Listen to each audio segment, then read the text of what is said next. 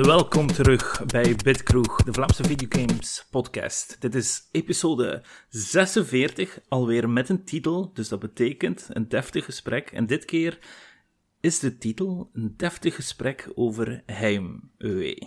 Dus Heim is een game die vorige donderdag is uitgekomen, vermoed ik.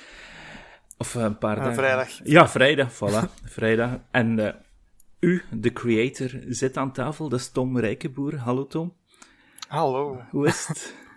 Het, het is. het gaat. ja, oké, cool. En de vaste panel is er ook bij. Dat is Robbie. Hey Robbie. Hallo. Hoe is het? Goed, goed. Eh, al ja.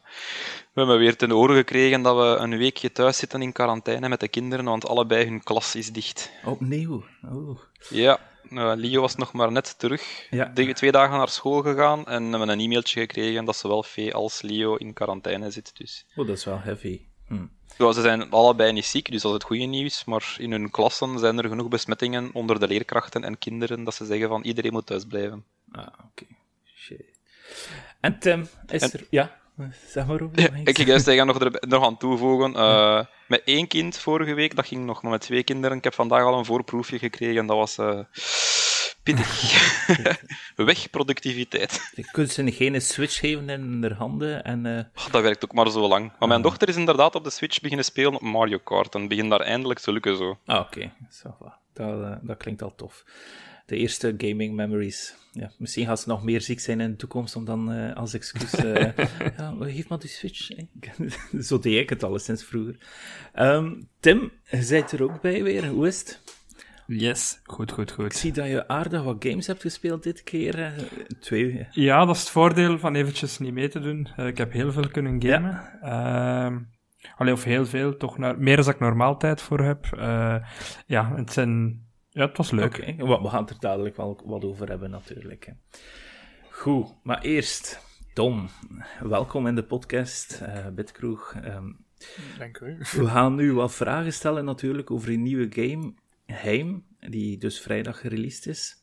Ehm, wat zou je willen, ja, hoe zou je het verkopen, Heim? Ja, het is een, een, een moeilijke vraag natuurlijk, maar anders begin ik een keer met de story. Wat is Heim, juist? Ehm, ja. Heim is... ehm, ik was begonnen nadat ik was afgestudeerd Ja. bij DAE in Kortrijk. Ja. Ehm, wou ik eigenlijk gewoon eens iets compleet van mezelf maken. Iets, iets waar ik alles van mezelf kon insteken zonder invloed van iemand buitenaf. En Ja. dat was eigenlijk hoe Heim is geboren. In ehm, september 2018 aan begonnen. En ik denk vooral vanuit liefde voor Zelda games Mhm. eigenlijk zo'n beetje een action-adventure, maar dan volledig gefocust op puzzels in plaats van met, met combat daarbij. Ja. En ehm, ook wel geïnspireerd door Noorse mythologie, eh, maar wel een hele volledige eigen wereld. Oké, cool. Dus eh, hebt u dan ook zitten verdiep- verdiepen in de Noorse mythologie of zo? Of enkele... Ja, wel, dat is, dat is zo wat de eerste keer dat ik echt een, eh, eh, het boek van de Prose Edda heb, Ah ja, cool. heb gelezen. Alleen een, eh, een Penguin Books versie ervan. Ja, ja. Nice. Ehm, Enige, maar ik wist natuurlijk al wel veel. De enige connectie die ik heb met die Noorse mythologie is gewoon dat ene boek van Neil eh, Gaiman. Uh, Noorse Ah ja, wel, American Gods. Nee. Ah, ja, ik heb, nee, dat heb ik ook gelezen. Ah ja, ja. Ja. ja. dat zijn wel eh, goede boeken. En natuurlijk, ja, God of War heeft daar ook wel wat het een en het ander in gesmeten, waardoor dat die eh, interesse van mij eh, kwam. Dus, Ja. Maar over Heim, dus eh, een adventure game, een beetje Zelda-achtig, net gereleased op. Steam. Dus ehm, dat is wel echt wel vet, in feite, moet ik wel zijn. Ik vind het ook wel mijn karakter, ik heb al de screenshots gezien, ik vind hem wel heinig eruit zien, dat is wel nice. Ja. Eh, ja. ook ik probeer ook altijd eh, een beetje accenten overal in te steken. Speciale dingen dat Ja. iets eh, er uniek doen uitzien. Je hebt, je hebt dat rare haar. ehm, Mhm. Maar ook bijvoorbeeld dat alle mensen letterlijk van klei zijn gemaakt. Ja. Daarom dat iedereen grijs ziet en zo. Ah, Maar dat past ook in de Noorse mythologie zeker, hè? Die Ja, ja, ja, de Eerste, eerste mensen waren van, van klei gemaakt, denk Ja. ik. Ja. Shit, dat is cool. Dat is cool. Dat is cool. Nu, Tom, moest je in een, in een bar zitten, want dit is Bitkroeg natuurlijk, moest je in een bar zitten, wat zou je bestellen om te drinken? Of in je favoriete kroeg, of in je fa- favoriete cocktailbar. Wat zou jij go-to bestelling zijn? ik ben een hele simpel mens. Is- Voor mij is dat gewoon een, een standaard pintje. Ah ja, oké, cool. Allee, als het op bieren aankomt, dan, Ja. is het, eh, dan is het echt wel... Dan ga ik... Zo duvels en zo, dat moet ik ook wel zelfs niet hebben. Ja? Geen, geen cocktails, zeker geen wijn. Mhm. Dus eh, echt heel simpel op dat vlak. Oké, nice. Oké, nou ja, dat snap ik wel ergens wel, eh, want soms Geen mead. keuzestress en al die toestanden. nu, dus Heim. En welke, welke engine heb jij het eigenlijk gemaakt? Eh, het is gewoon in Unreal Engine, ja. Oké, cool. Vier nog.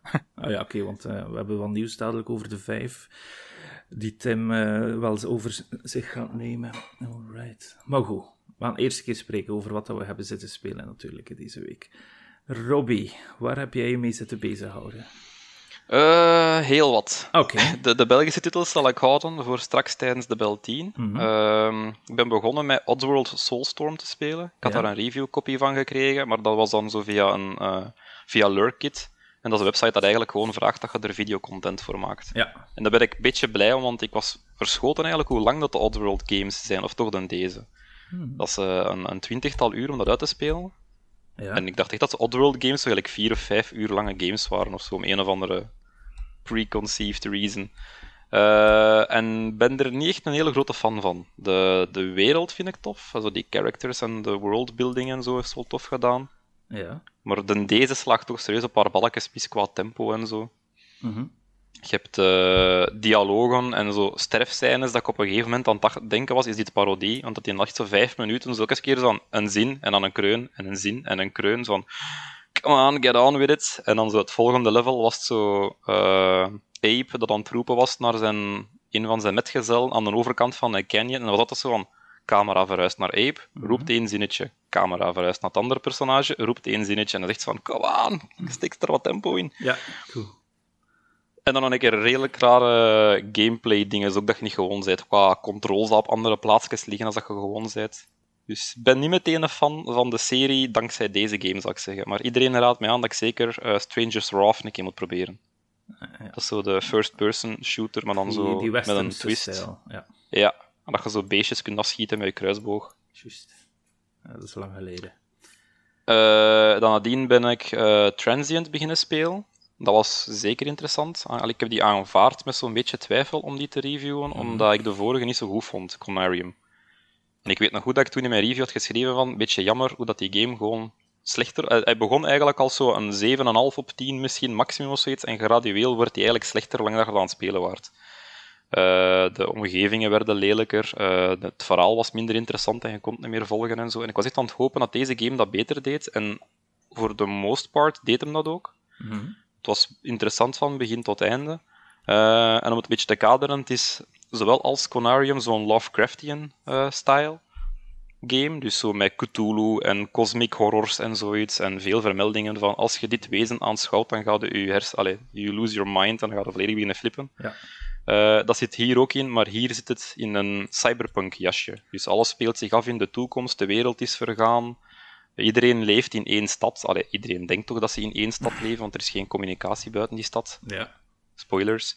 Ehm, maar ja, spoilers. Er is maar één zinverwijzing dat het tegenovergestelde zegt of zoiets. Er, er vertrekken ik weet niet veel draadjes in die game van oeh, dat gaat misschien nog iets interessant worden. En dan komt dat gewoon op niks uit zo. En dat is weer het jammer. De- Ja. Het stelt veel vragen en er wordt bijna niks beantwoord. Oké. Uh, maar de setting was wel tof. Je zet dan zo'n hacker for hire. Uh, er is een AI dat op u aan het jagen en uw companen, maar je zet dan je geheugen kwijt en dan moet je zo uh, Inception-stijl door je eigen geheugen en dat van andere mensen gaan. Zo soms dream within a dream within a dream. Ja. Uh, je eigen verplaatsen en zo. En in al die dingen zitten dan zo van die Lovecraftian monsters zo af en toe een keer op de loer. Maar zonder dat ze je effectief kunnen doden. Wat ik wel goed vond dat dat een, een verschil was nu. Dus er zit zo geen typische horror game chase sequence in, dat je zo moet verstoppen achter een kastje of ergens moet onder een bed gaan kruipen of zo, wachten totdat ze passeren. Dat zat in de vorige game wel voor een stuk. Ja. Het is echt puur uh, puzzle uh, en horror en narrative. En Sava, ik vond het nog oké. Oké, okay, cool. Uit te spelen trouwens ook waarschijnlijk op een uur en een half, aangezien dat een achievement is, maar ik heb er drie uur over gedaan. Sava. Dan ben ik op een draakje zijn rug gekropen, met Century Age of Ashes, wat we die vorige week besproken. Ja. Ehm, jammer genoeg alleen nog maar op PC speelbaar momenteel. En ik merkte toch wel al dat mijn eh, laptop een beetje last had. Die begon serieus op te warmen. Eh, de game haperde af en toe en dan was het mij niet duidelijk of het mijn hardware was of de internetconnectie dat een beetje wegviel. Maar normaal gezien draait de game lokaal wel, dus Ja. denk ik eerder dat mijn laptop was en niet kon volgen. Maar het ziet er fantastisch uit. Eh, het speelt ook heel erg leuk, maar er zit niks van singleplayer content in. Dus het is echt puur een multiplayer, eh, riding on dragons, kill the other dragons, of eh, wat dan een heel leuke eh, modus was, in plaats van capture the flag, was dat je van die gelddraken had die rondvlogen. En als je daarop schiet, dan droppen die een beetje coins. Als je ze er slaagt, droppen ze nog meer coins. En dan moet je die zo, zo rap mogelijk proberen brengen naar je eigen schatkist.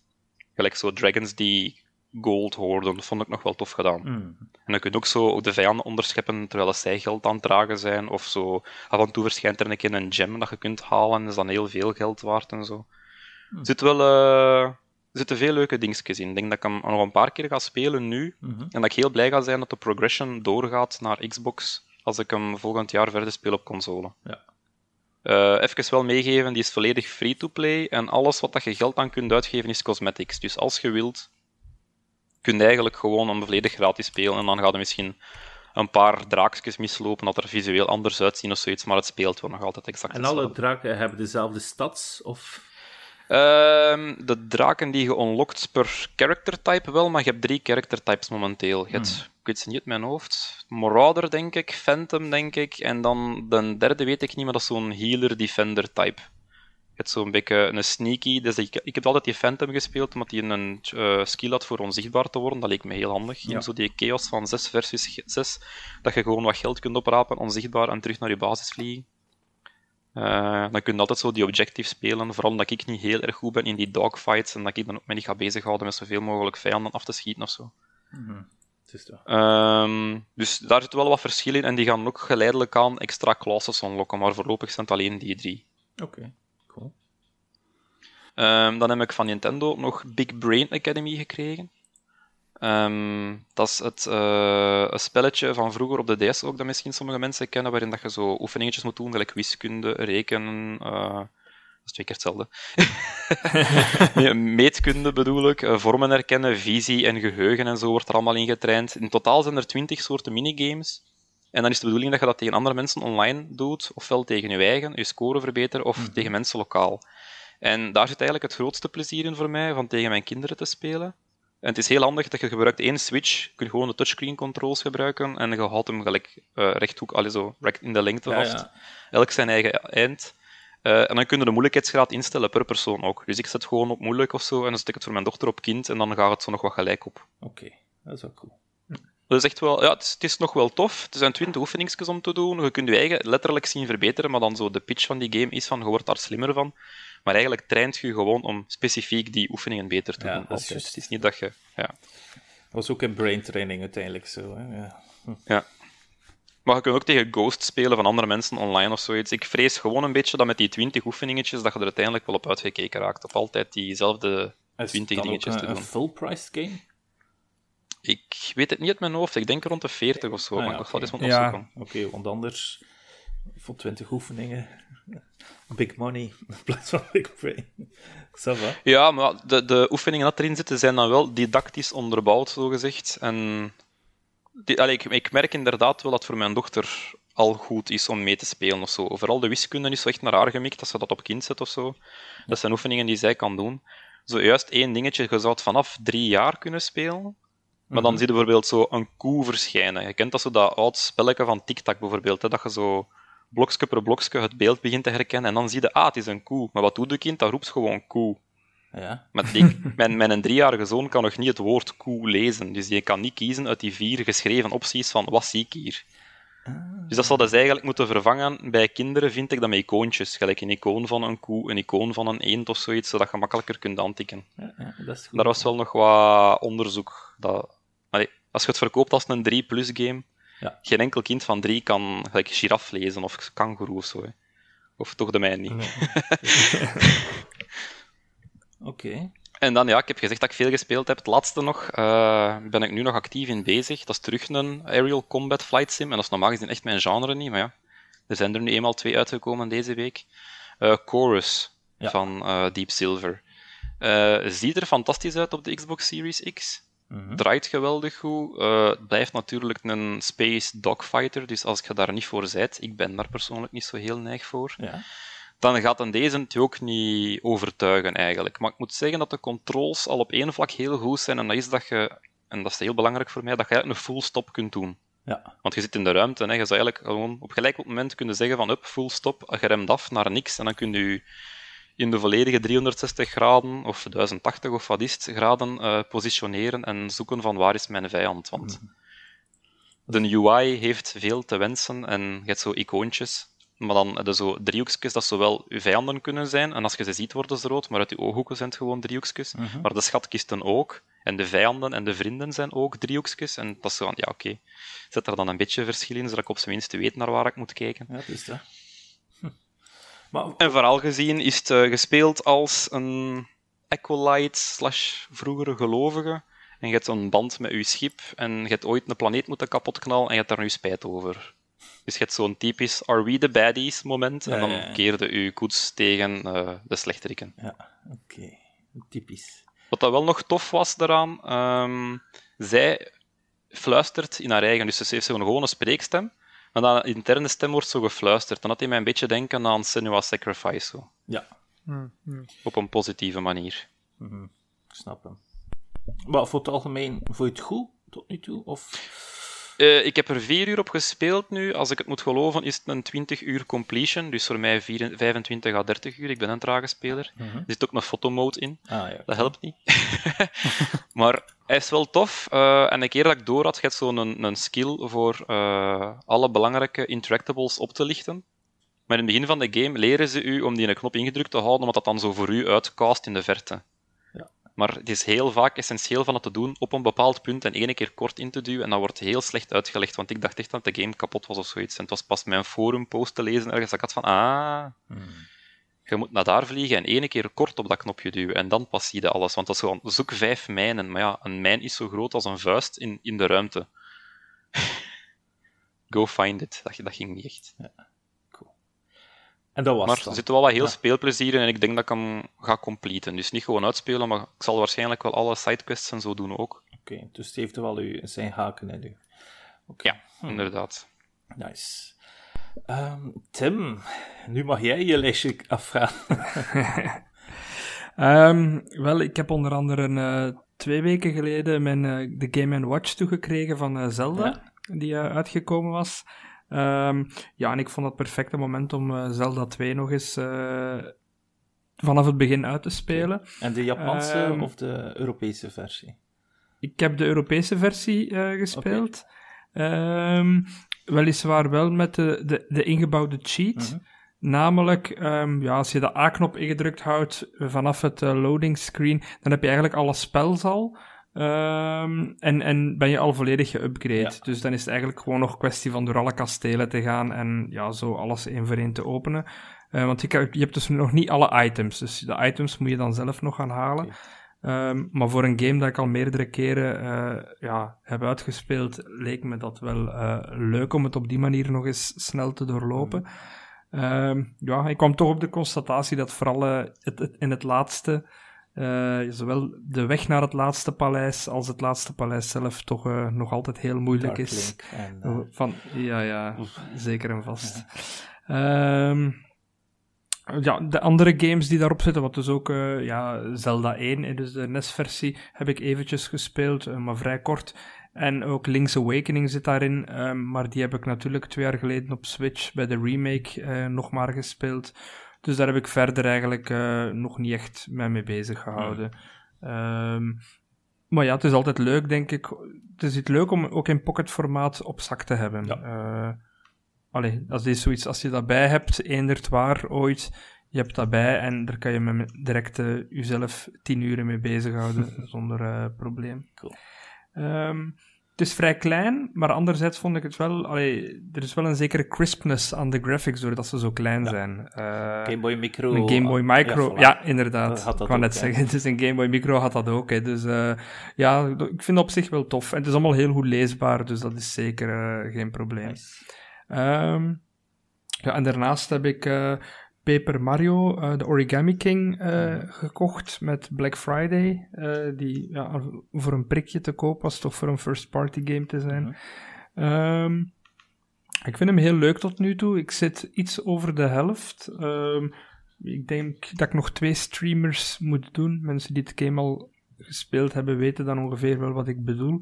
Um, maar je moet dus een aantal grote linten gaan losmaken. En ik heb ja, nu nog twee linten te gaan. Uh, en dan zou ik hem uit hebben. Is, um, ja, ik, vind hem een beetje een return to form. Omdat toch wel de laatste twee Paper Mario's uh, daarvoor wat minder waren. En ik vind deze dat toch wel terug de goede richting uitgaat. Niet zo goed als Thousand Year Door. Maar toch wel bepaalde dingen die beter zijn dan bij de vorige. Um, er zijn ook een aantal dingen die ik nog altijd wel niet zo goed vind. Uh, en dat is onder andere dat battelen eigenlijk zinloos is. Eigenlijk moet je elk gevecht proberen te vermijden. Want um, je kan nooit iets winnen door een gevecht te winnen. Ah ja. Uh, dus het kan u enkel maar items kosten, of het kan u enkel maar, maar uh, items kosten, of, of, of weapons kosten, want de weapons zijn breakable.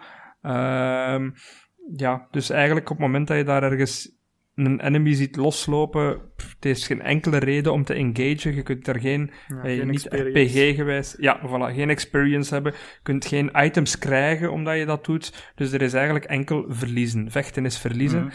Ehm, en het is een beetje jammer dat Nintendo die feedback daarop niet eh, serieus genomen heeft, want dat is eigenlijk een feedback die er al sinds Sticker Star is.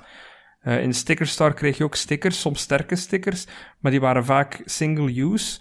Dus telkens als je die gebruikte, was je die gewoon kwijt. Terwijl dat er wel andere enemies, eh, ja, terwijl je die daarna gewoon niet meer kon gebruiken. En battelen zelf won je niks mee.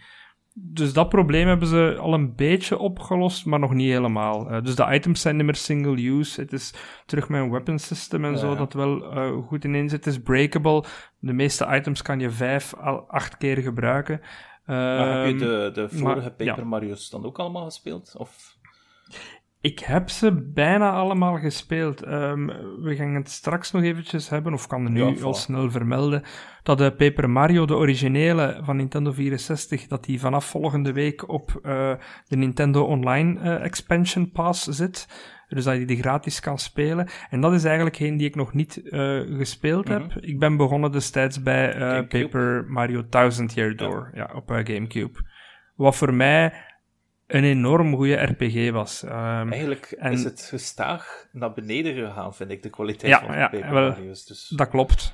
Ja, ja, ja. dus iedere keer die, Eh, die... Eerst hadden ze hele originele characters, blijkbaar. Want ik heb, de, ik heb nog niet alle Paper Mario's gespeeld. Maar met tijd zei Nintendo, nee, we mogen dat niet meer gebruiken, die originele characters. Er moeten meer standaard characters worden, omdat... Omdat, het, ja, om- omdat ze niet willen dat, dat eh, ja, het de ziel krijgt of zo. Geen idee. Maar omdat ze de... de Er is een, ja, ja, het is zoiets raars. er is een raar idee Ja. bij Nintendo dat dingen die zich afspelen binnen Mushroom Kingdom, dat daar enkel personages mogen inzitten uit het Mushroom Kingdom. Vraag me niet waarom, maar daar komt het eigenlijk een beetje op neer. Mhm. Ehm, terwijl dat Paper Mario Thousand Year Door heel kleurrijke karakters had. Ehm, zelfs allee, bekend vanwege dat er een transgender karakter in zat en zo meer allemaal. Eh, en, ja, ja. een van die drie gezusters, eh, ja, mensen die het ooit gespeeld hebben. Ehm maar is wat om maar te zeggen, op, op verschillende vlakken een heel kleurrijk eh, spel. En ja, daarna, nu, nu bijvoorbeeld, de helft van de personages, of 80% zijn variaties op Toad. Je hebt gele toads, groene toads en purperen toads. Allee, dat maakt inderdaad een beetje, dat haalt een beetje ziel uit het spel, toch wel. Ehm het is wel zo, en op dat vlak, allee, er, er zijn een aantal andere karakters waarmee je op stak, stap gaat. Onder andere Professor Toad en eh Bombom, Ja. eh, die Bobby ge- genoemd wordt. Ehm, maar ja, dat is toch wel inderdaad een, een verarming, ehm, dat er veel minder eigen personages in zitten. Wat wel leuk is, vind ik, is dat ze daar eh, een aantal keren referenties maken naar ehm, het bredere Nintendo-universum. Eh, er zitten referenties in aan Metroid en zo bijvoorbeeld. Ehm, of Metroid, en voordat we de Metroid of Metroid-discussie terug aangaan op de Discord. Ehm, dus allee, dat vond ik bijvoorbeeld wel heel leuk. Er wordt ook gelachen met een aantal uh, staples in de Mario-serie. Uh, dat wordt al allee, zeer vaak gedaan. En de writing van de jokes is, is toch wel heel vaak on point. Mm -hmm. dus op dat vlak is het echt wel terug, of, of echt wel een, een, een betere Paper Mario. Want de humor die erin zit en, en het soort van voorspellen ook van wat er gaat gebeuren. Je hebt bijvoorbeeld een bepaald, op een bepaald moment heb je iets dat telkens opnieuw gebeurt. En op een gegeven moment vraagt het spel van, ja, dit wilt je nu niet meer opnieuw zien, zeker? Uh, dus die cutscene. Ja. Uh, en dan kun je gewoon zeggen, ja, nee, skip de cutscene. Ja, Allee, dus ze lachen daar zelf zo wel wat mee met het feit dat uh, ja, veel dingen in Nintendo games unskippable zijn. Um, en daarover gesproken, wat ik een echt minpunt vind, uh, want ik heb het tot een half uur geleden nog zitten spelen, is um, dat de dialogues niet doorskippable zijn. Dus dat je niet gewoon op A kunt klikken om de volgende dialogue te krijgen. Ja. Je moet echt wachten op de timing die de developers erin gestoken hebben. Oké. Okay. En dat is wel onbetand, want ik vind vaak wel, ja, je weet al dat er gewoon bijvoorbeeld op het moment dat je een toad redt, dat die gewoon gaat zeggen dank u, uh -huh. en je kan dat niet gewoon skippen. Ja. En dat zijn zo telkens enkele annoying seconden waarvan dat je weet van, ah, ik had nu gewoon op A kunnen drukken en dan had die tekst volledig op het scherm gestaan, had ik gewoon kunnen verder gaan. Ik heb dat ook al een paar dus... keer gedaan in HM hoor, maar enkel om uh, duidelijk, allee, zeker te zijn dat mensen lezen wat ze moeten lezen. Maar zo, uh, die dank u dialogen, ja, dat snap ik wel. Voilà, dat is het verschil. Ik snap ook dat die timing soms goed moet zitten om bijvoorbeeld een bepaalde joke te laten uitkomen met wat er onscreen gebeurt. Ja, dus dan is het heel logisch.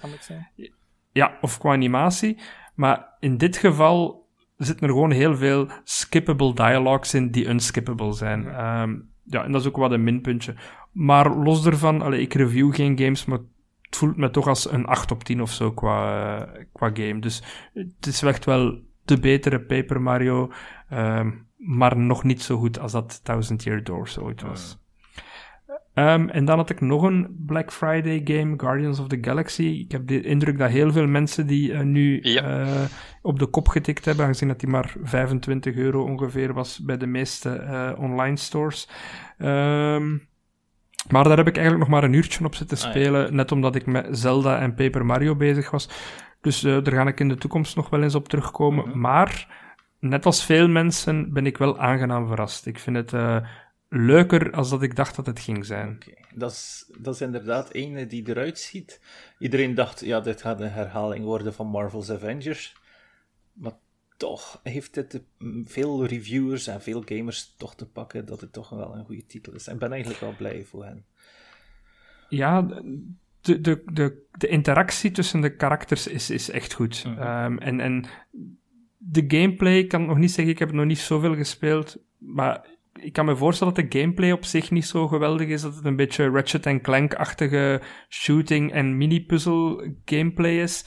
Maar door het feit dat de, de interactie zo goed is en dat dat zo, uh, ja, zo tof gedaan is, dat de voice acting heel goed is, lift het zo gewoon ja, naar een net iets hoger uh, niveau. Ja. Dus, uh, en de rest zal ik later wel zeggen als ik het verder gespeeld heb. Het is ook eentje die op mijn lijst staat om nog een keer binnen te halen, want uh, ja, het zoveel goede kritieken dat hij krijgt. Ik ben echt wel benieuwd.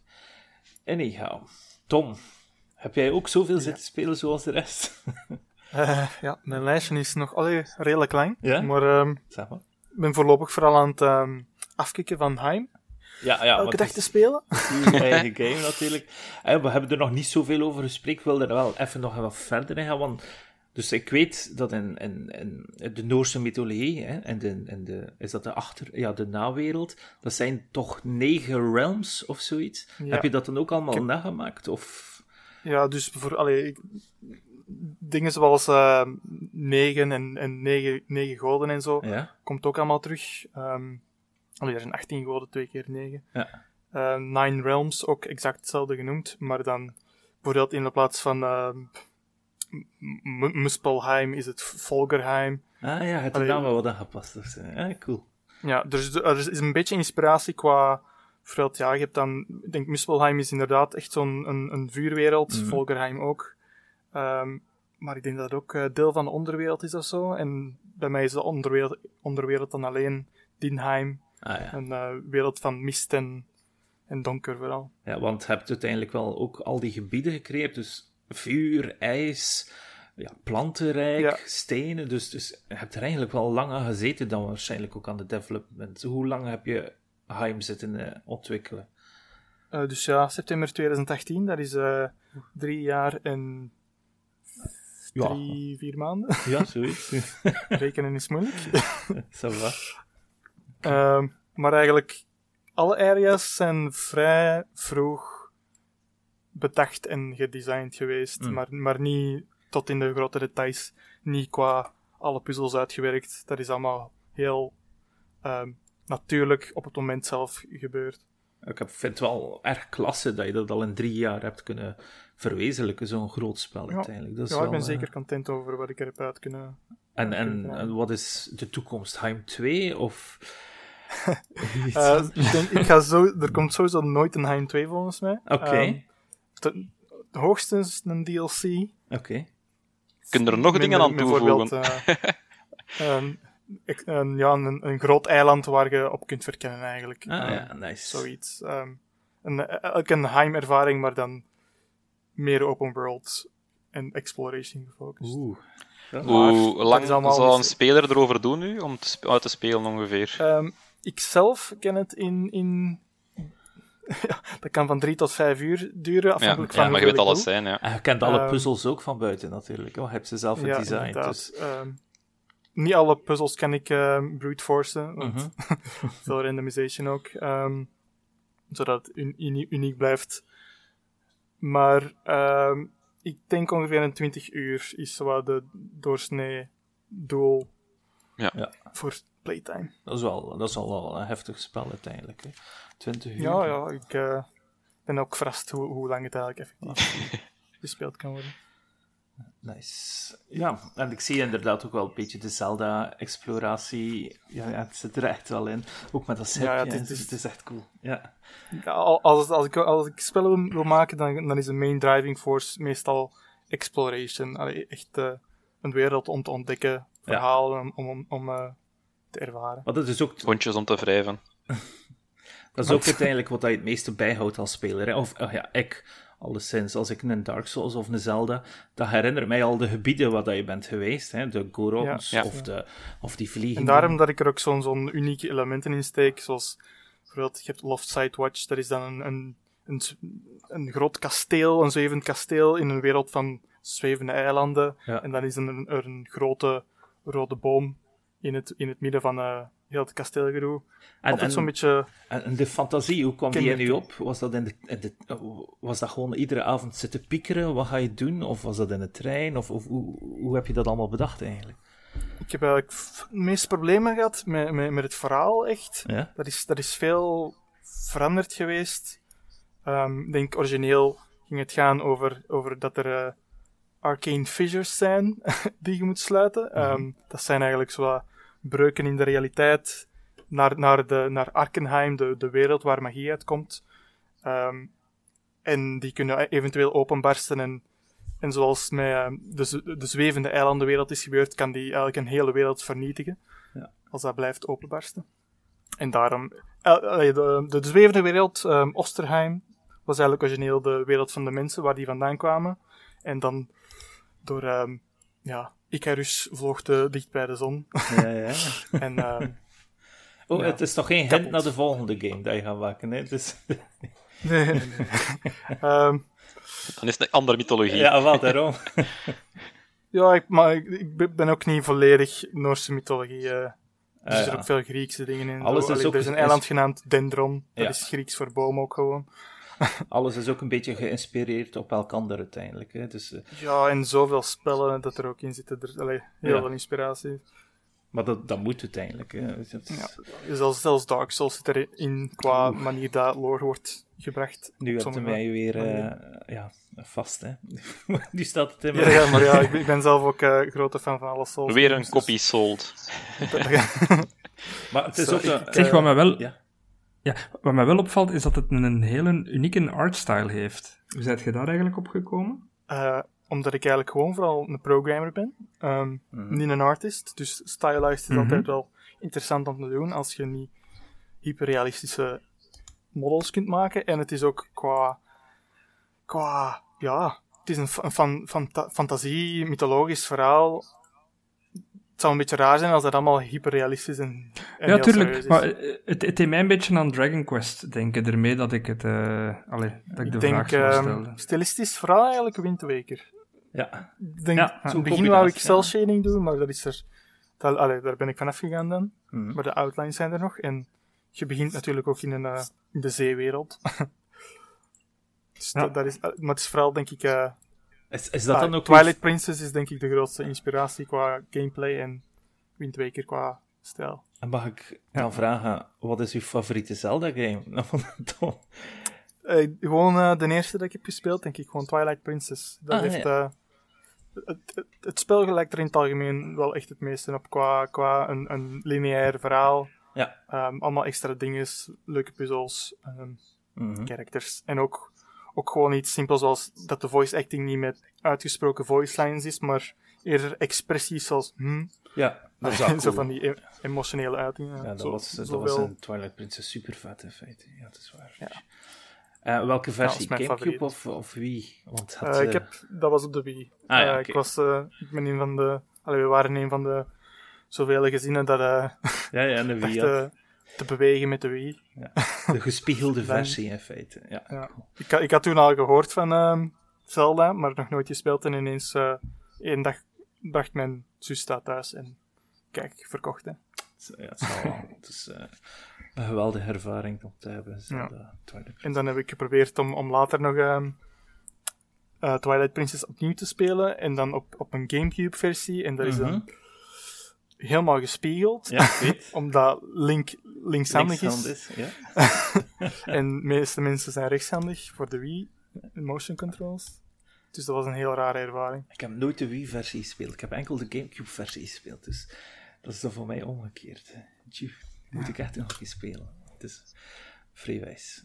Oké, en, en heb je, welke games hou je dan nog bezig naast Heim? Waarschijnlijk omdat je veel speelt doordat je nog wat bugs wil oplossen, vermoed ik. Eh, Ja, kijk, vandaag heb ik bijvoorbeeld ehm, de grote fout gemaakt van RuneScape membership te kopen.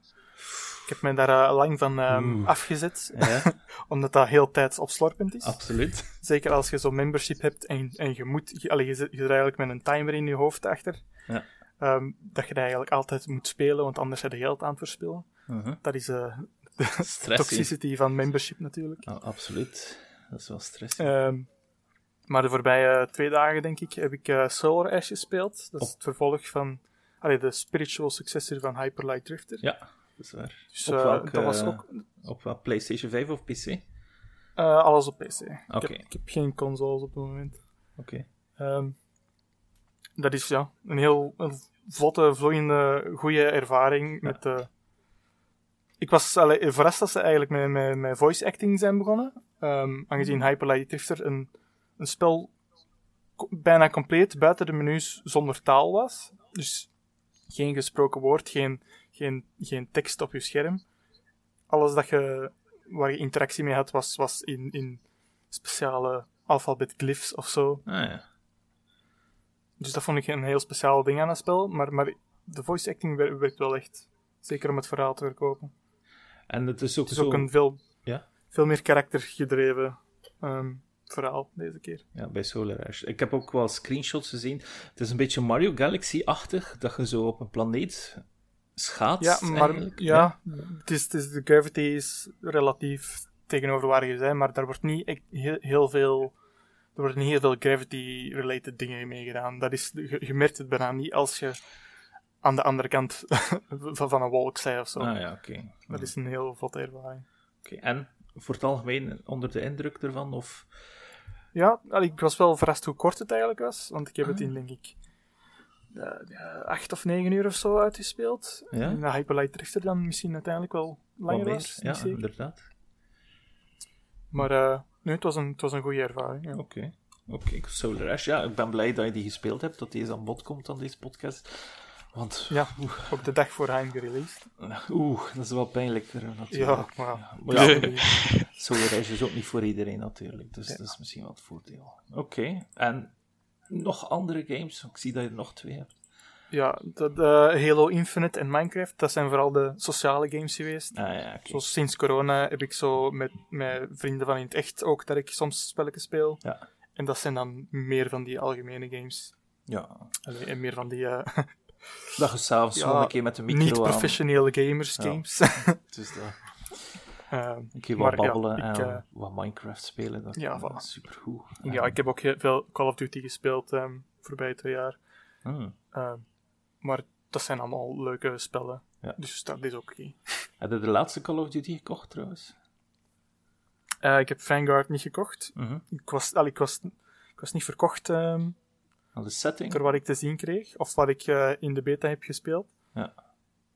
Ehm, ik heb alleen... ehm, Cold War is veel meer mijn ding, omdat Black Ops 1 ook mijn eerste Call of Duty was. Ah, ja, dus ja, ja, dat is blij dat daar een soort van vervolg op was. Ja. Een echt vervolg.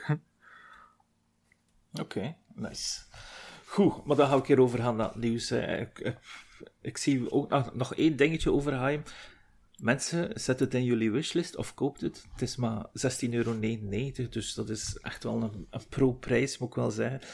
Eh, Een hele voordelige prijs voor toch wel een 20 uur spel, hè, Tom? Dus dat is, ja, het, is, wel- het zijn veel uren. Verrassend veel uren. is, eh, zeker zijn geld waard. Dus, Zeker eh, als je alles wilt collecten. ah, kijk, ook nog een collector ook erbij. Ja, dus een cool. beetje. Een beetje Spyro daarin. Chic. Goed, maar dan ga ik hier over gaan naar het nieuws. Dan keer ik even naar Robbie. Robbie. Ja, Matrix, wat staat er hier hebben een klein Matrix-nieuwtje. Ja. Ja. Eh, dat is juist gedropt vlak voor we beginnen opnemen. Blijkbaar is er op PlayStation 5 en Xbox Series XS, en dat vind ik speciaal dat het alleen op de consoles is, want op PC staat er niet mee vermeld. Ja. Er zal een speelbare demo zijn die noemt een Unreal Engine 5 Experience The Matrix Awakens. Hmm. Die kun je nu in pre-download al beginnen binnenhalen, maar is momenteel nog niet speelbaar. Zou het... eh, En verder weten we nog niet veel meer over buiten een zo'n Keanu-teaserke van het is binnenkort beschikbaar. De vraag waarschijnlijk is, met, wat is een experience natuurlijk. ja. Ja. Ik denk misschien met de Game Awards dat dat dan... Het is live now en dat we Keanu Reeves daar wel ergens tussenin gaan zien. Ja, dus de Game Awards is donderdag. Dus de, binnen een paar dagen. Dus ik denk dat we dan die experience gaan kunnen spelen. Wat het is, weten we niet. Misschien is het wel eh, hoe dat. eh allee, de, de ene met de glasses is gestorven in die game. En eh, de MMORPG. Dus Matrix. Matrix had ook een MMORPG. En daar is. is, is allee, ik ben nu wel echt wel de naam van dat karakter kwijt. Morpheus. Morpheus? Morpheus, ja. Dus die Heeft is... hij een kanon dood in de MMORPG of wat? Ja, Ja. blijkbaar. Ja, ja, ja. En, Seriously? en daardoor... daardoor Zover ik weet was Neo en, eh, zijn Neo en Trinity ook doodgegaan, spoilers. Ja, Oeh, is het waar in de MMORPG? Ah, ik dacht, dat- ik dacht dat die in de, in de laatste film doodgegaan de, waren, de, de. Matrix-film, ja. Ah ja, oké, in de Matrix-film. Maar in de, in de, door de MMORPG is, is Morpheus doodgegaan Ja. en dat is echt gebeurd. Dus Maar de, de film noemt Resurrections of zoiets zeker, hè? dus Ja, het is, het is er pas na. Resurrections. no one stays dead for long. Maar en, je ziet ook in de nieuwe screenshots van de nieuwe film dat die gast vervangen is, hè, Morpheus. Er zit zo'n Ja. jongere Morpheus in. Maar ik ben echt wel benieuwd naar de film, moet ik wel zeggen. Het, het eh, tikkelt me. Ehm, nu, het volgende nieuwtje is, is dan wel minder cool, vind ik persoonlijk. It Takes Two, hè? dat is dat vrij cool spel van EA geweest, waar je samen moet werken om aan minigames of een heel, en een heel avontuur doorheen te lopen om niet te scheiden of zo, of wel te scheiden. Hè? Eh, een hele coole game, eh, heel leuk, een beetje ja, Mario met z'n twee.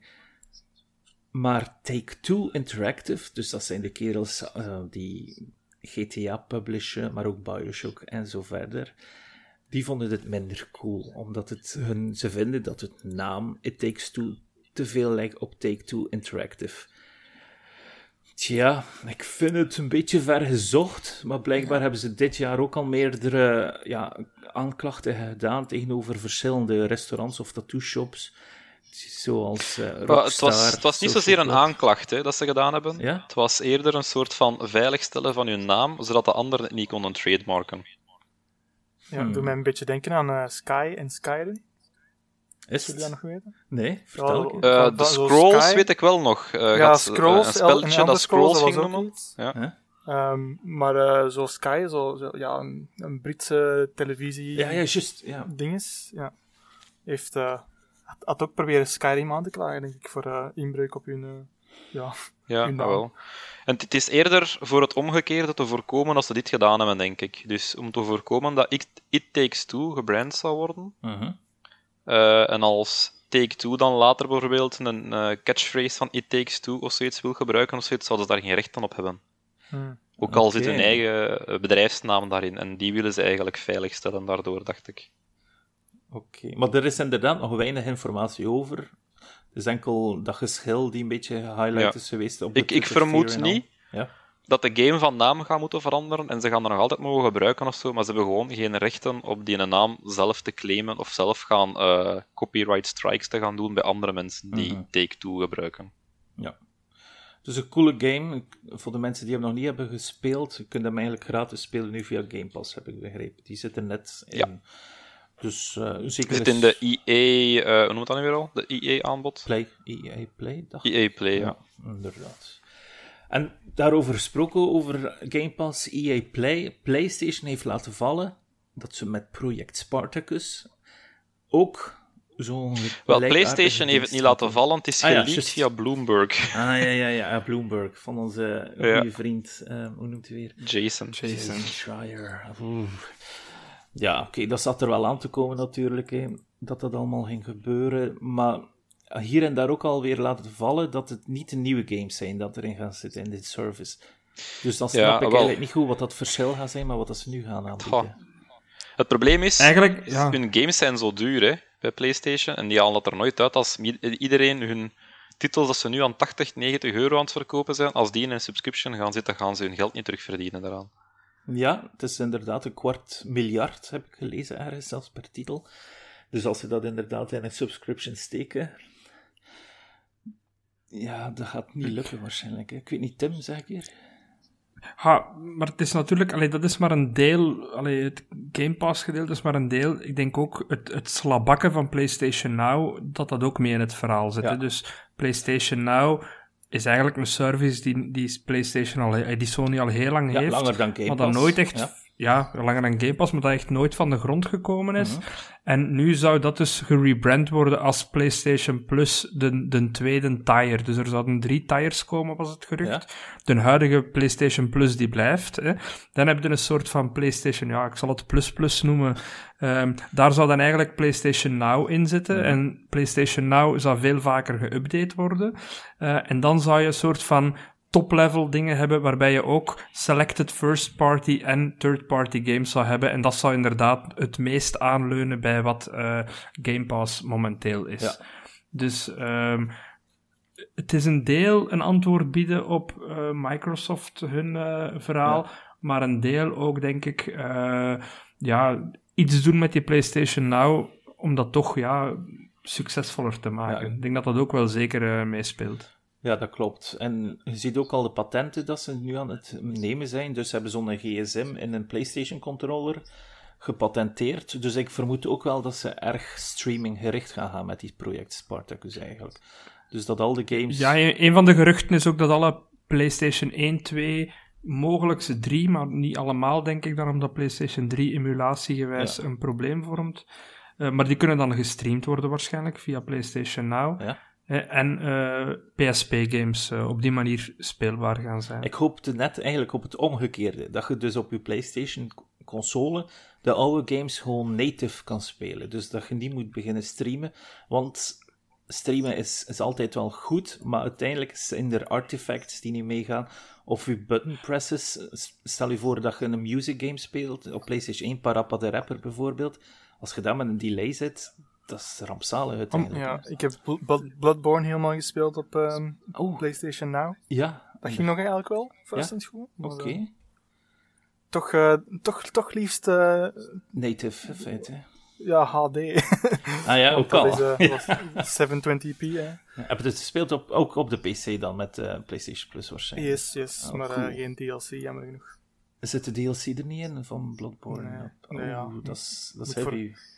Je moet een PlayStation kopen. Hè. Ja, wel, want eh, die DLC is echt wel cool, moet ik dan zeggen. Maar, Ja, ja, ik, heb, ik heb al veel gezien.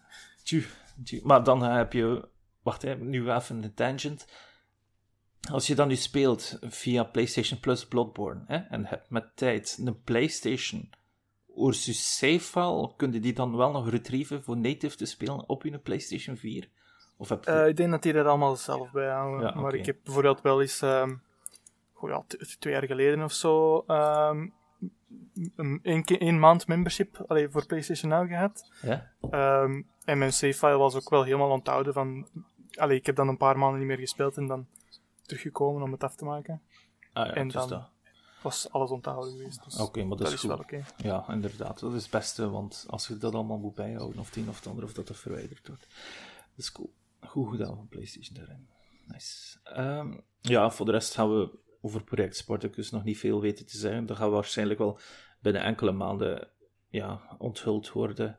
Ik hoop Mhm. echt wel dat het nieuws van de native games, of ja, dat er nieuws is dat de games native gaan gedraaid kunnen worden, dat dat, dat, dat wel gaat gebeuren. Want dat was eigenlijk mijn grootste ja, stokpaardje bij PlayStation toen ik de PlayStation 5 kocht. Van, ik hoop dat ze zo'n dienst uitbrengen en dat ze echt die PlayStation 1 titels upgescaled kan spelen op hun PlayStation. Zoals dat PlayStation 3 deed zelfs in feite. Dus eh, dat moet niet moeilijk zijn. Hè? Ja. Kom.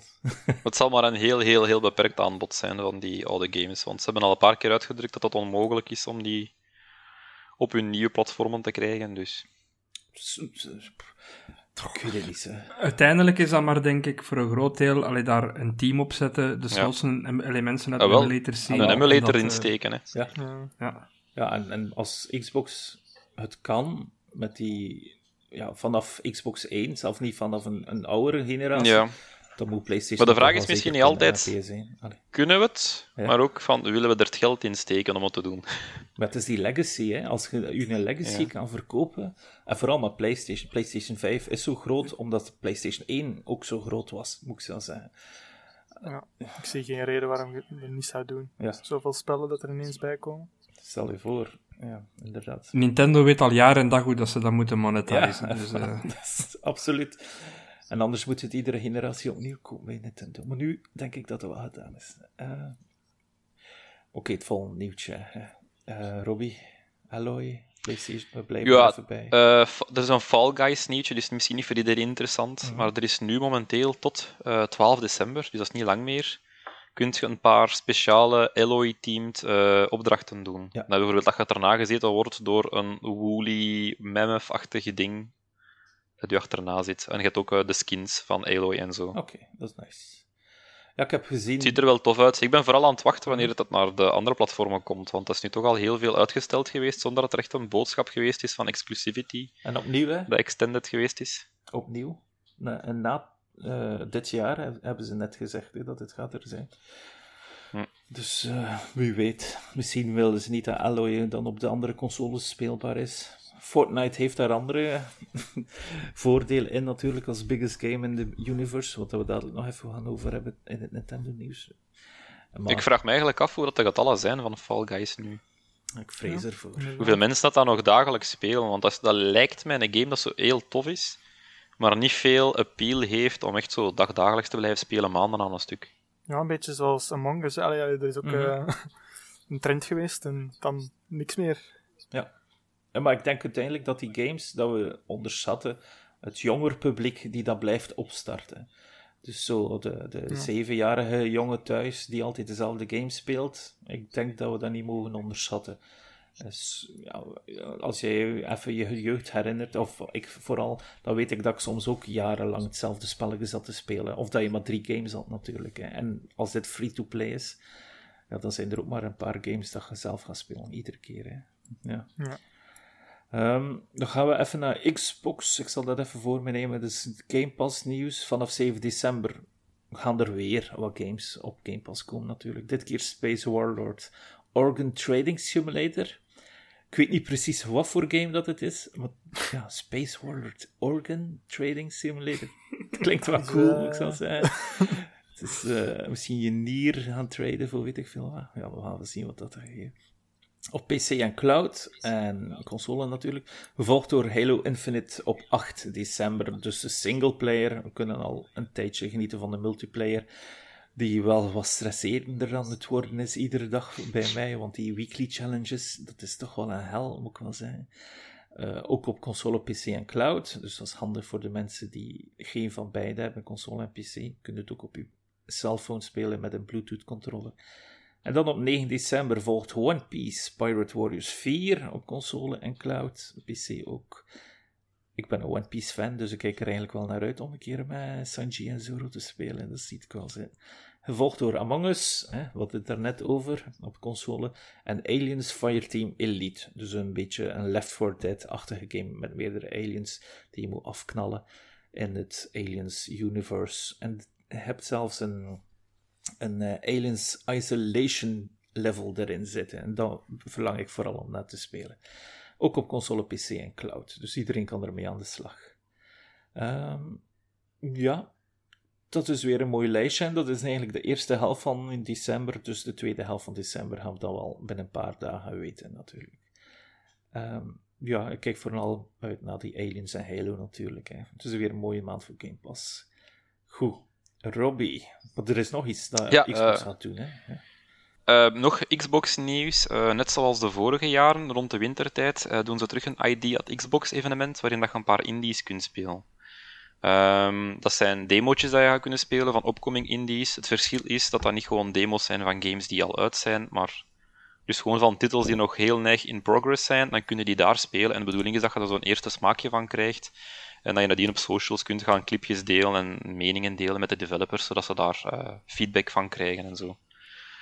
Uh, zeker de moeite waard om te checken. De volledige lijst gaat pas vanaf morgen live gaan. Uh, de paar titels die ze al gedeeld hebben, zeiden wij niks. Dus ik ga ze ook niet gewoon beginnen afroepen, want ik kan er toch niet veel extra woorden over kwijt.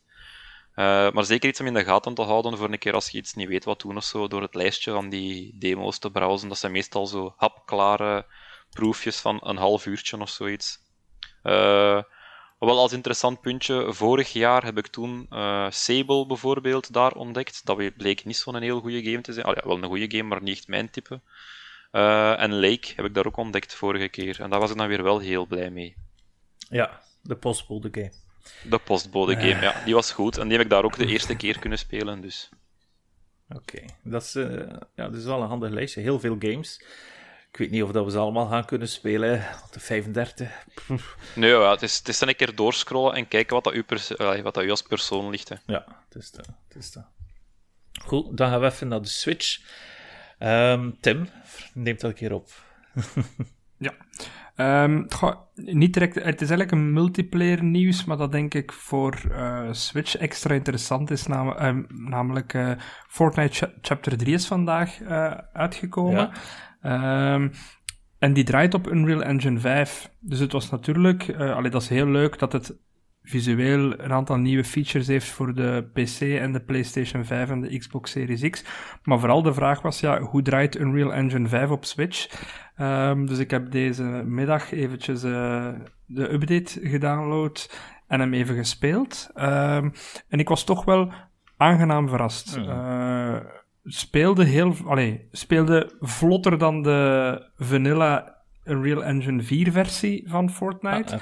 Ah, um, het enige dat ik zag was wel vrij veel uh, pop-in. Um, maar het is ook wel een tijdje geleden dat ik de originele Fortnite gespeeld heb. Dus het kan zijn dat dat op dat vlak uh, wel ongeveer hetzelfde is. Um, maar allee, ik was toch aangenaam verrast. Niet dat Fortnite het meest uh, demanding game is.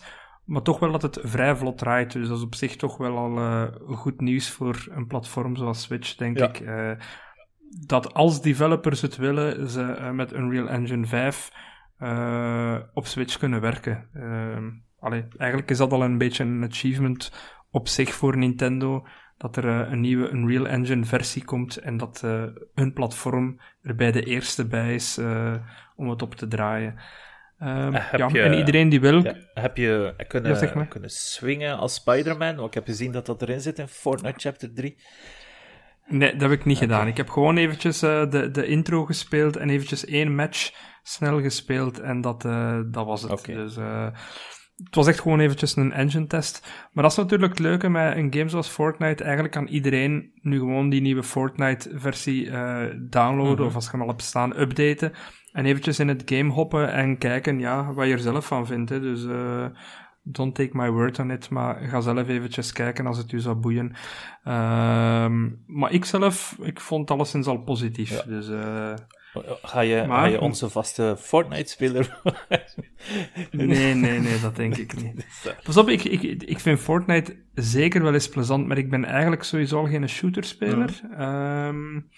Allee, van alle games die ik al op de podcast besproken heb, heeft daar nog nooit een shooter in gezeten. Dingen zoals Halo en zo, allee, of Halo, jullie mogen daar heel enthousiast van worden.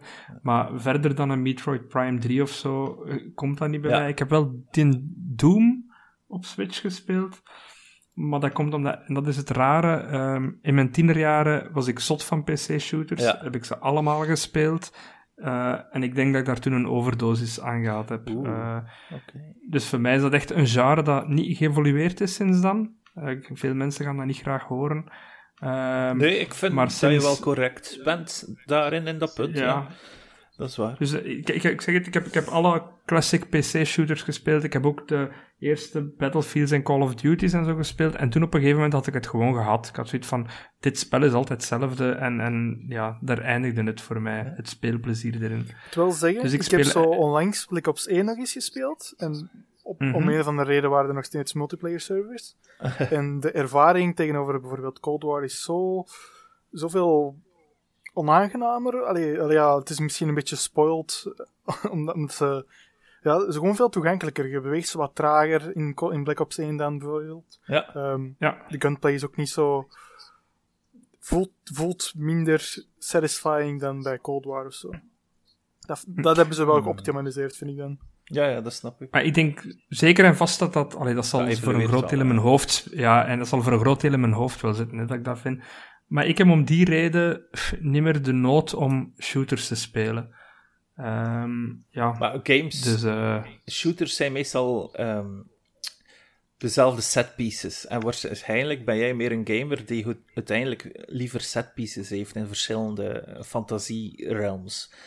Uh, zoals een Mario of een Zelda. Dat zijn allemaal verschillende fantasiewerelden. En meestal bij een shooter is meestal, oh ja, toch realistisch, denk ik. En dan heb je de... Ja, maar zelfs als ik, hmm. als ik Uncharted of zo speel, um, ben ik vaak blij dat het slechts korte stukken zijn waarin dat ik uh, ja, moet shooten en zo. Ja, ja.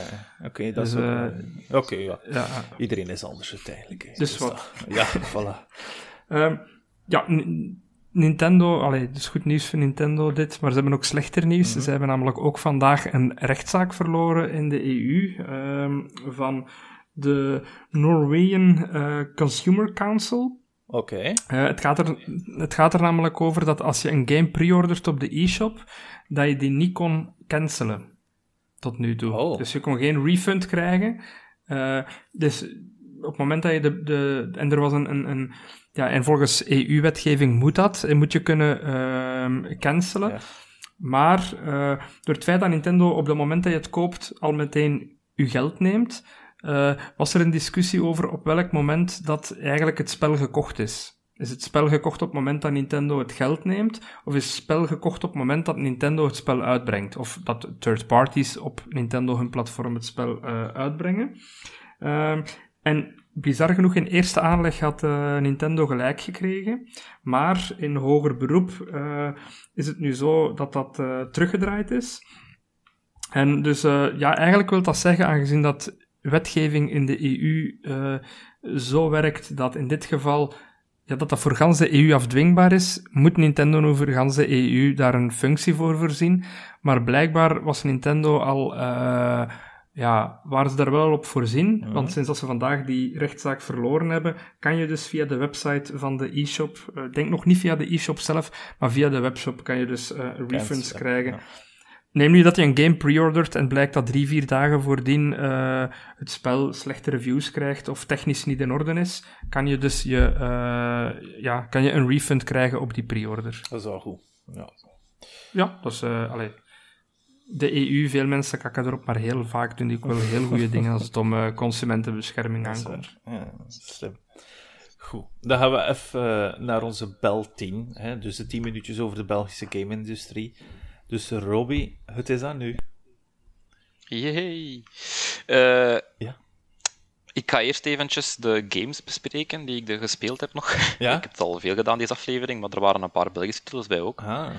Uh, via OneUp hebben we deze week terug de OneUp Indie Spotlight gedaan. Dat is uh, een momentje waarin dat eigenlijk iedereen even reviewer kan worden. Je moet gewoon een code aanvragen en je krijgt er eentje. Mm -hmm. uh, dat hebben we dan ook gedaan voor The God Beast. En ik had de game zelf nog niet gespeeld, dus heb ik ook maar van de gelegenheid gebruik gemaakt om ook eens te downloaden en te spelen.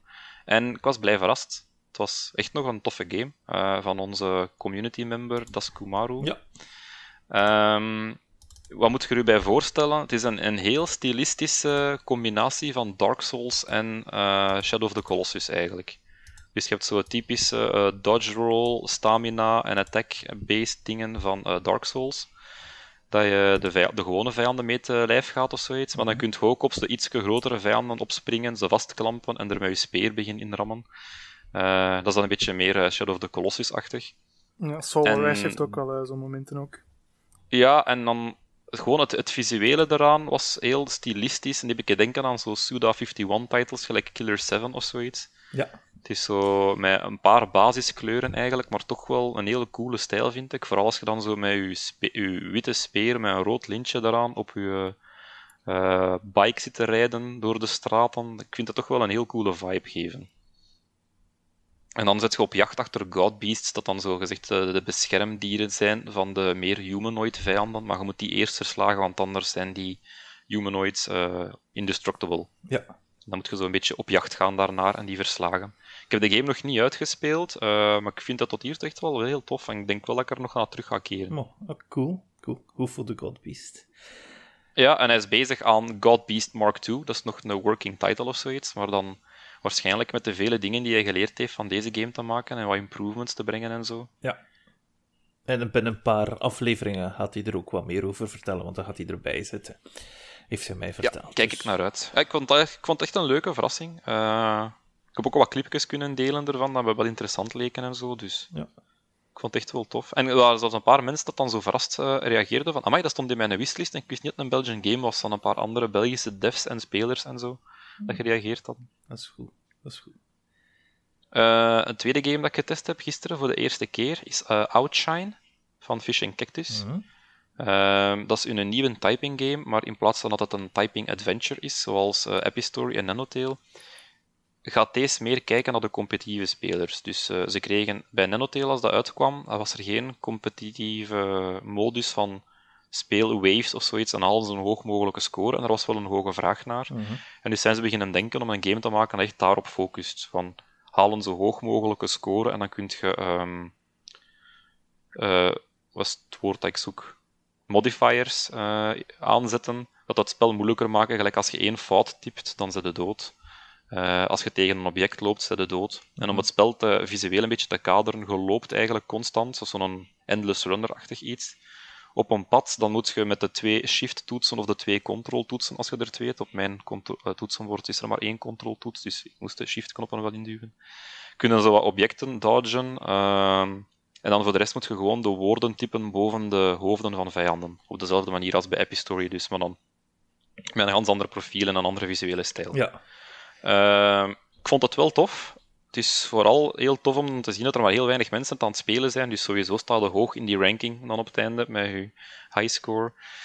Uh, ook al ben ik niet de beste in mijn typvaardigheden, omdat ik nog af en toe eens moet spieken naar mijn toetsenbord van waar staan mijn vingers nu juist weer. Mm. Uh, maar ik vind het echt wel heel leuk. Het is, het is, zit ook een beetje een toffe ideetjes in, gelijk de story wordt verteld. Je gaat dan gewoon zo rondlopen, je typt random woorden op vijanden of zoiets. Maar dan kom je voor een poort te staan en dan moet je volzinnen typen. En die volzinnen zijn dan zo van, like, chase the one that got away of zoiets. En dan krijg je je verhaal daarin eigenlijk. Ja. Dat vond ik wel nog een toffe touch. Dus ik kijk er naar uit wat daar gaat vanuit voortkomen. Het enige jammer dat ik altijd vind is, ja, met die typing games schieten ze hun eigen een heel klein beetje in de voet natuurlijk in je beperkt doelpubliek. Hè.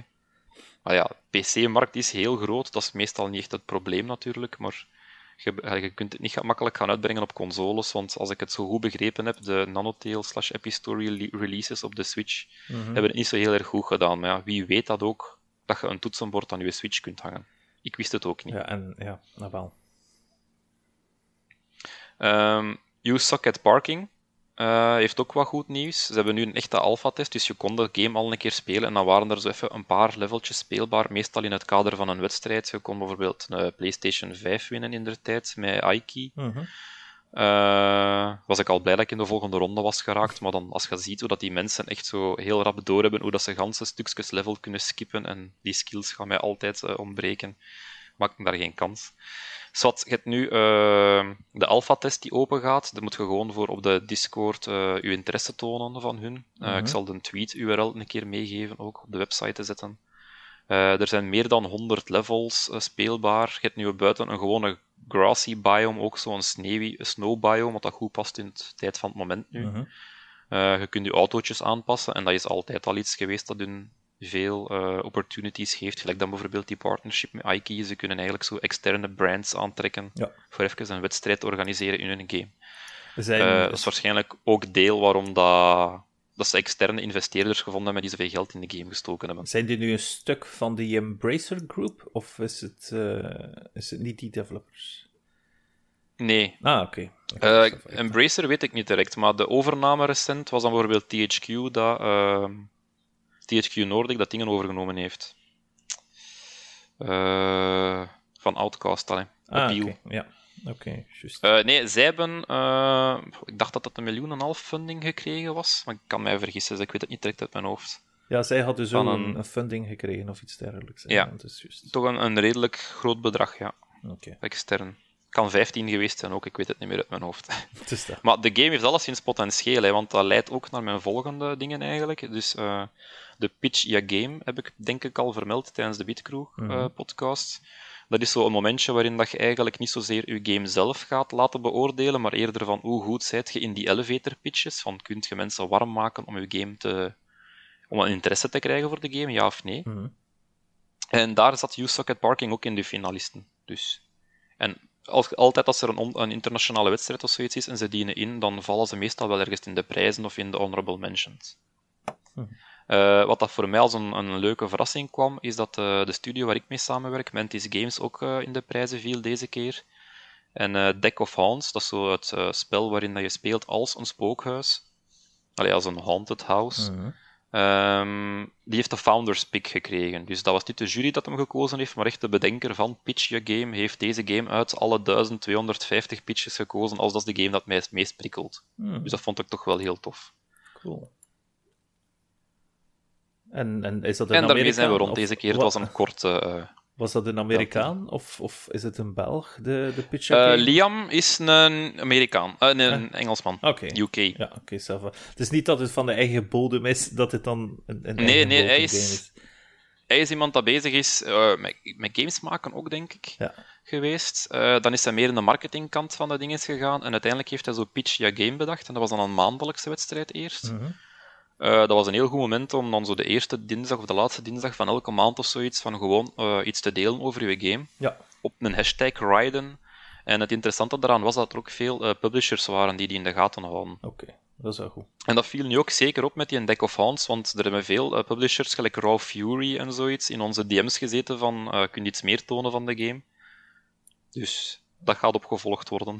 Dat is wel cool. Dat is, ook dat is ook interessant natuurlijk voor de studio zelf, want als je aan meerdere titels aan het werken bent, eh, en je pitcht die allemaal een keer, dan kun je eigenlijk op die manier, los van je eigen bereik, van je eigen Twitter-volgers, ook gewoon dat platform eens gebruiken van te kijken van welk van de games dat wij eventueel aan kunnen werken, wordt het best eh, publiek onthaald. Ja. Nice. Oké, merci Robbie voor de bel 10 alweer. Eh, dan gaan we even overgaan naar het volgende gedeelte. Dat was onze luistervraag. Dus we hadden een luistervraag gecreëerd. En dat was Maui de vorige keer. En die vroeg, en dat is een heel spoiler-heavy vraag, die vroeg, Ja. wat is je favoriete videogame ending? Dus maar we gaan eerst een keer de tafel rondgaan. We gaan ik starten bij Tim, omdat Robbie net de bel 10 heeft gedaan natuurlijk. Dus Tim, wat is bij jou je favoriete videogame ending? Ja, dat is van een game dat we vandaag al eventjes eh, aangehaald hebben. Hè. Dat is eh, voor mij Wind Waker. Ehm, En, en gewoon dus... om verschillende redenen. Ja, het- zeg maar, zeg maar, zeg maar. Om verschillende redenen. Om te beginnen ehm, is Wind Waker een game dat mij nauw aan het hart ligt. Ehm, en waarbij je eigenlijk ja, tijdens het game, we zijn nu in heavy spoiler territory, uh, kom je te weten dat eigenlijk de reden waarom er alleen maar eilanden zijn, is omdat Hyrule volledig uh, gezonken is. Mm -hmm. uh, en de eilanden die er zijn, zijn eigenlijk de vroegere bergtoppen die nog overbleven. Um, dus eigenlijk alles wat je kent van alle vorige Zelda-games is gone. Um, en wat je zou verwachten op het moment dat je dan een Zelda-game, dat toch altijd veel good games zijn, uitspeelt, is um, ja, dat je Hyrule terug hebt. Maar nee, uh, er wordt u gezegd, uh, ja, ga naar de oceaan en zoek, nieuwe, zoek een nieuw hero, want het huidige Hyrule zal nooit meer terugkomen. Dus dat, dat vond ik op zich al heavy. Maar uiteraard ook omdat, uh, ja, het denk ik de beste versie van Ganondorf of van Ganon uh, heeft in alle uh, Zelda-games. Voor, voor, u. Voor u. voor mij, hè? ja, voor mij. hij, is, um, hij is niet compleet evil. Hij heeft een motivatie die begrijpbaar is. Het heeft ook een motivatie die meteen aan die wind terug te koppelen valt. Hij zegt daar dus op een gegeven moment dat zijn motivatie is dat uh, hij uit een, een, een, een woestijnvolk komt. Hè, uh, en dat de wind die op andere plaatsen zorgde voor vruchtbaarheid en plezier, bij hen net alles kapot deed. En ervoor zorgde dat zijn volk uh, ja, -hmm. honger had en, en uh, ja, alles wat hij had in, in die woestijn uh, door de wind verder verdorde. Uh, ja, dus dat vond ik ook een, een, een, een heel sterk aspect. En dan gewoon ook de manier hoe je in dit hele brave, getekende, destijds kinderachtig Ikedi genoemde game, -hmm. Um, ja, op het einde gewoon een zwaard recht door de kop van Ganon duwt, recht je schedel in. 80% van dat zwaard gaat gewoon gans door Ganon zijn hoofd, richting... Ja, ja voilà, voilà. En, en dan doet hij zijn endspeech. Um, ja, super hè. Absoluut. Echt, ja. Je hebt me helemaal teruggebracht. Oh, ja, dat was echt de max. Cool, cool. Dus, Robbie, wat is van u? Ah, het is al rap aan mij. Um, ja. ja. ik ga een keer gaan voor een game dat niemand kent eigenlijk. Uh, door eraan terug te denken aan dat einde heb ik ook even een post gedaan op uh, socials van aan andere reviewers gevraagd van wat was de eerste game dat jullie mochten coveren. En voor mij de allereerste game dat ik ooit een reviewkopie van gekregen heb als, als schrijver, en dat is toch wel een speciaal moment eigenlijk, was voor een Narcosis. Dus daar gaan de meeste mensen misschien niet van gehoord hebben. Dat is een onderwater horror survival game-achtig iets. Mm -hmm. Uh, waarin dat er iets gebeurt en je moet zo echt zo met beperkte zuurstofvoorraad geraken naar de volgende locatie en zo. En door die zuurstofgebrekte uh, dan ook waanvoorstellingen en zoiets. En op het einde van de game is er echt zo'n volledige plot twist dat eigenlijk jij, het personage dat je denkt dat je aan het spelen bent, iemand totaal anders is. Omdat je tijdens... Uh, terwijl je aan het spelen bent, wordt eigenlijk ook constant zo'n radio talk van iemand dat gewoon precies van nadat je ontsnapt bent aan dat ge gevaarlijk ding en aan dat, die ramp en zo, dan worden zo geïnterviewd van en hoe je dat beleeft en wat we vonden daarvan en je zit de enigste overlever en wat was dit en zo.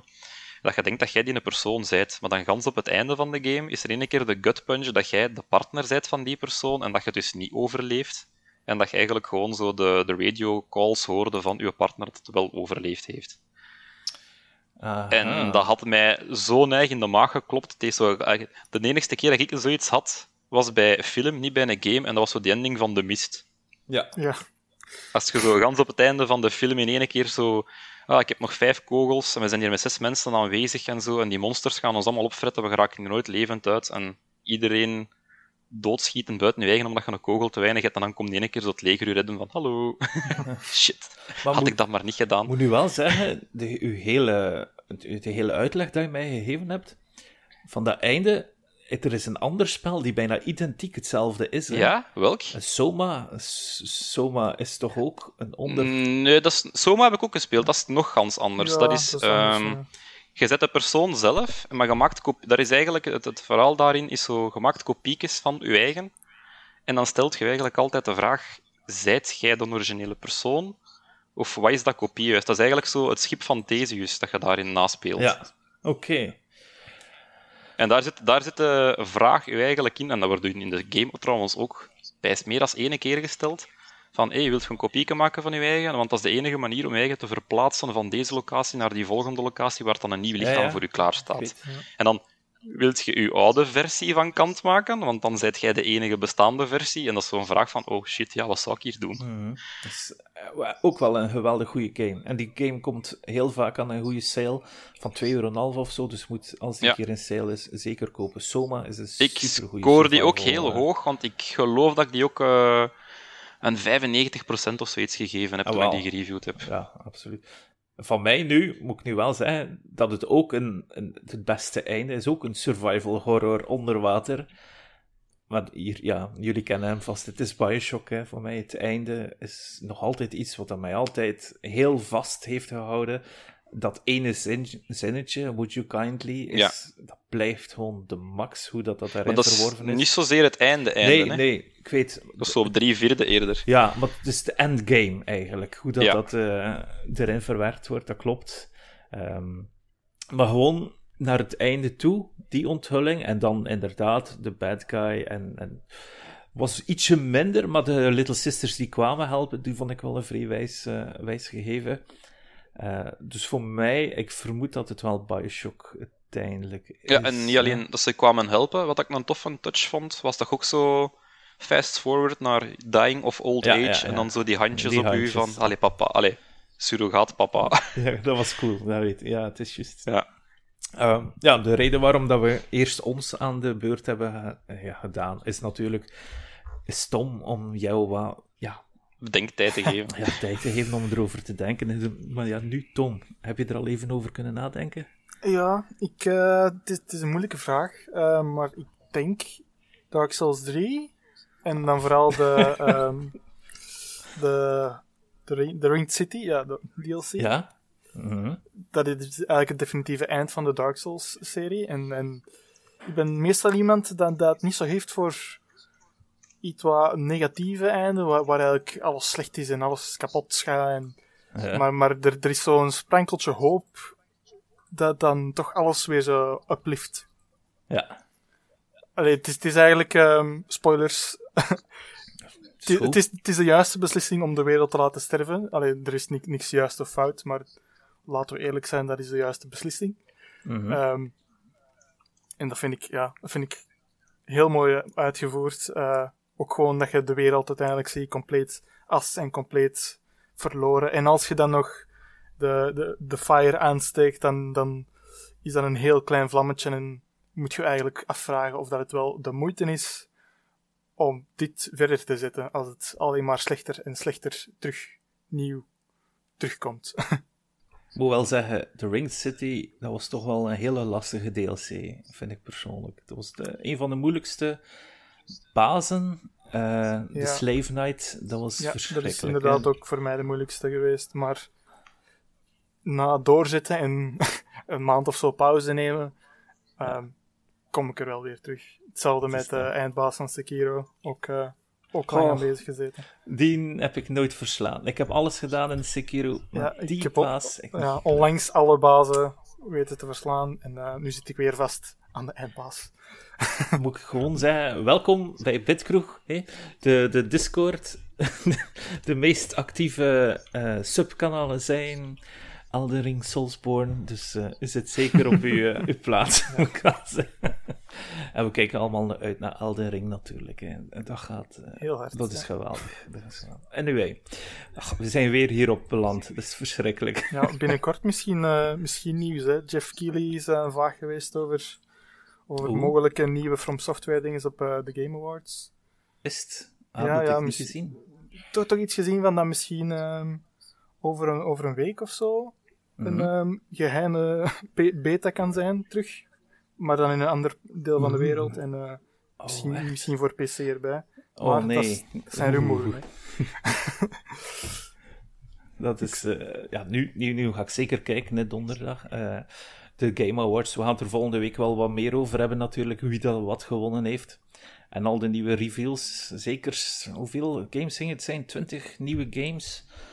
Eh, dus ik hoop dat er wel het een en het ander tussen gaat zitten. Ja, Kojima gaat ook wel van de partij zijn, want eh, we hebben al eh, het, in het verleden meerdere keren meegemaakt dat Kojima daar altijd wel nieuws dropt. hè. En ze zijn goede vrienden. Oh ja, Keely is een grote fan van Kojima. En Kojima weet dat maar al te goed. Ehm, We we hebben ook wat antwoorden gekregen natuurlijk uit onze community. Ehm Robbie, jij behandelt Twitter meestal. Was wat, er, Ja. wat was er daar allemaal aan de hand? Wat waren daar Eh, ja, toch redelijk wat antwoorden op gekregen deze keer. Ehm, ik had bijvoorbeeld gezien van Lars, Prince of Persia, Warrior Within. Eh, heb ik gespeeld, maar ik kan niet het einde herinneren, dus ik kan er Mhm. ook niet veel meer over kwijt. Eh, Beyond Good and Evil zie ik twee keer vermeld. Ik- Dus dat is toch wel al eentje. Dat- Zowel, zowel Lars heeft die vermeld als Prinses Lettuce, Jade. Ja. Maar kan mij niet direct meer 100% herinneren wat er gans op het einde van de game gebeurd is, om eerlijk te Idem zijn. dito. Dat is een beetje jammer. Ik heb hem... Het is zoiets met alien invasions en dergelijke, en dat Jade zelf krachten had of zoiets als alien. Dat was lang geleden. Dergelijke iets, maar het is, het is te vaag eigenlijk. Ja. Ehm, Jelle heeft ook eh, The Last of Us 2 voor mij gespoild, want die zegt iets van een gans het einde van de game en die zit letterlijk in die endgame vlak ervoor. En ik zeg dan nog in de post, zet spoiler tags, hij doet dat braaf, maar ik blijf gewoon stom lezen. Ah, Eh, en, en Kevin van Lugus maakte een grapje met Half-Life 3. maar het script is enigszins geleakt hè, vroeger van Half-Life 3, dus misschien Ja. dat hij die eh, Ja. Uitgelezen heeft en dat dat voor hem het einde was van oh, oh my. Dat, is, dat was ook zelfs niet echt een einde. Is het waar? Ik heb het nooit Dat, dat, dat, was zo, ja, sequel bait weer al. Hè. Oh, is het? Oh, zo erg. Ja, er gebeurde er iets en dan, ja, wordt vervolgd. oh, oké. Ja, in, in hetzelfde kadertje van Valve was er ook Portal vermeld geweest door Jarig van Wezenmaal. En dat is inderdaad wel tof met de Cake is a Lie en dan het eindje van weer mee. Eh, de Science dingen daar, het liedje. Ja. Op het einde dat gezongen wordt door Gledos vond ik geweldig. En ook van eh, Portal 2 trouwens. Ja. Eh, en nog een heel goede vermelding was Spec Ops The Line. Dat was ook wel een emotioneel heavy game. Ah, dat is, eh, Met, over schuldgevoel van Jules Maanhout. dat is een hele goeie. Mooi dat die werd vermeld, want die wordt vaak ver... die, had, ik ho... die had vergeten worden, maar uiteindelijk in zijn tijd, toen dat die game uitkwam, was dat echt wel eh, een banger. Dat was echt wel eentje die de meesten moesten gespeeld hebben in die tijd, vind ik persoonlijk. Ja, pas Ja, op, dat en als ik het mij goed titels herinner, waren er ook alternative endings. wacht, wacht. wacht. We spreken door elkaar. Eh, Ja, zeg maar, Tom. Robin. Ah, Ah, nee, oké. Ehm, ja, dus ik vind, ik vind wel dat Spec Ops eh, The Line een paar keer... eh allee, toch vaak ook nog wordt vermeld als een zo'n eh, influential game. Ja. Qua die plot twist. Ja, dat is waar. Eh, Robbie? Ja, ik wil gewoon nog meegeven dat ik, als ik het me goed herinner, dat er op het einde trouwens ook multiple endings zijn. Want je hebt dan zoiets van dat je kunt je eigen wegshooten, van, maar zet je het waard om te overleven na alle oorlogsmisdaden die dat je begaan hebt en zoiets. En je kunt ook gewoon kiezen voor je eigen te laten neerschieten, je over te geven of beginnen te knallen. Of, of Ah. juist niet of zo. Ik denk dat het dat ook mogelijk was dat je kon knallen op vijanden, dan dat eigenlijk gewoon je eigen kameraden zijn of zoiets. Maar dat je het uiteindelijk toch verliest of zoiets. Maar dat je moet- zo lang mogelijk kunt uithouden dat er een achievement aan verbonden was of zoiets. Ja, oké. Ehm, wat was er allemaal op de Discord gezegd geweest, Tim? Wel, op de Discord was ook eh, Portal eh, populair. Ehm, maar daarnaast had uh, Calaweird eigenlijk een lijstje gegeven. Mhm. Als dat toegestaan was, maar ik ga het even snel overlopen. Metal Gear Solid 3, GTA 4, Metal Gear Solid 5, Deus Ex Human Revolution ehm, en Ghost of Tsushima. Ja. Ehm, dan eh, Miva 2, die zei Prince of Persia, Sense of Time. En hij zei dat hij ook onder de indruk was van het einde van Okami, maar dat hij het wel niet meer helemaal kon herinneren. Ja. Ehm, en dan van, het, eh, van recente games, zegt hij, was Final Fantasy 7R het interessantste stuk. Ehm, maar dat misschien, was misschien ook omdat ik blij was dat het eindelijk gedaan was. Oeh, oeh, amai. Oké, cool. En eh, Christophe, eh, die zijn nog gewoon oké uit The Last of Us. Dat was echt wel heavy. Ja, dat is waar.